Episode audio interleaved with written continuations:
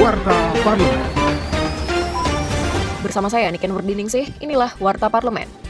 Menanggapi terjadinya kebakaran smelter PT Indonesia Singsan Stainless Steel di kawasan Indonesia Morowali Industrial Park, anggota Komisi 7 DPR RI Mulyanto meminta semua smelter diaudit secara ketat dan profesional serta objektif dan menyeluruh terkait aspek keamanan dan keselamatan kerja. Mulyanto juga menyoroti kualitas barang yang dipakai untuk menunjang operasional smelter. Ia menegaskan, barang dan suku cadang yang dipakai harus memenuhi syarat yang ditentukan.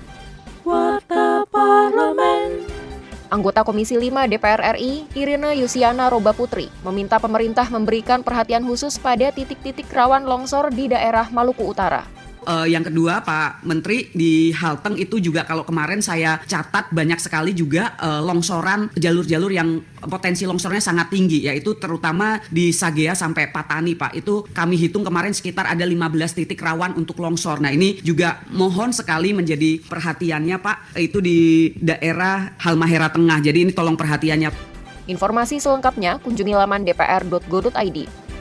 Anggota Komisi 8 DPR RI, Wisnu Wijaya, menyerahkan bantuan kearifan lokal dari Kementerian Sosial senilai 50 juta rupiah kepada grup kesenian rebana Guyup Rukun. Bantuan tersebut diberikan untuk mendukung pelestarian kesenian rebana di Kelurahan Mangunsari, Kecamatan Gunung Pati, Kota Semarang. Legislator asal Dapil Jawa Tengah satu ini mengatakan bantuan ini dapat menunjang kegiatan pembinaan dan pelestarian seni rebana yang telah menjadi bagian dari kehidupan sosial budaya masyarakat setempat. Ia mendukung para pegiat seni rebana untuk menjaga eksistensi kesenian ini melalui inovasi.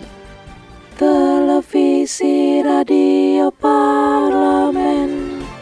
Demikian Warta Parlemen, Produksi Televisi dan Radio Parlemen, Biro Pemberitaan Parlemen, Setjen DPR RI.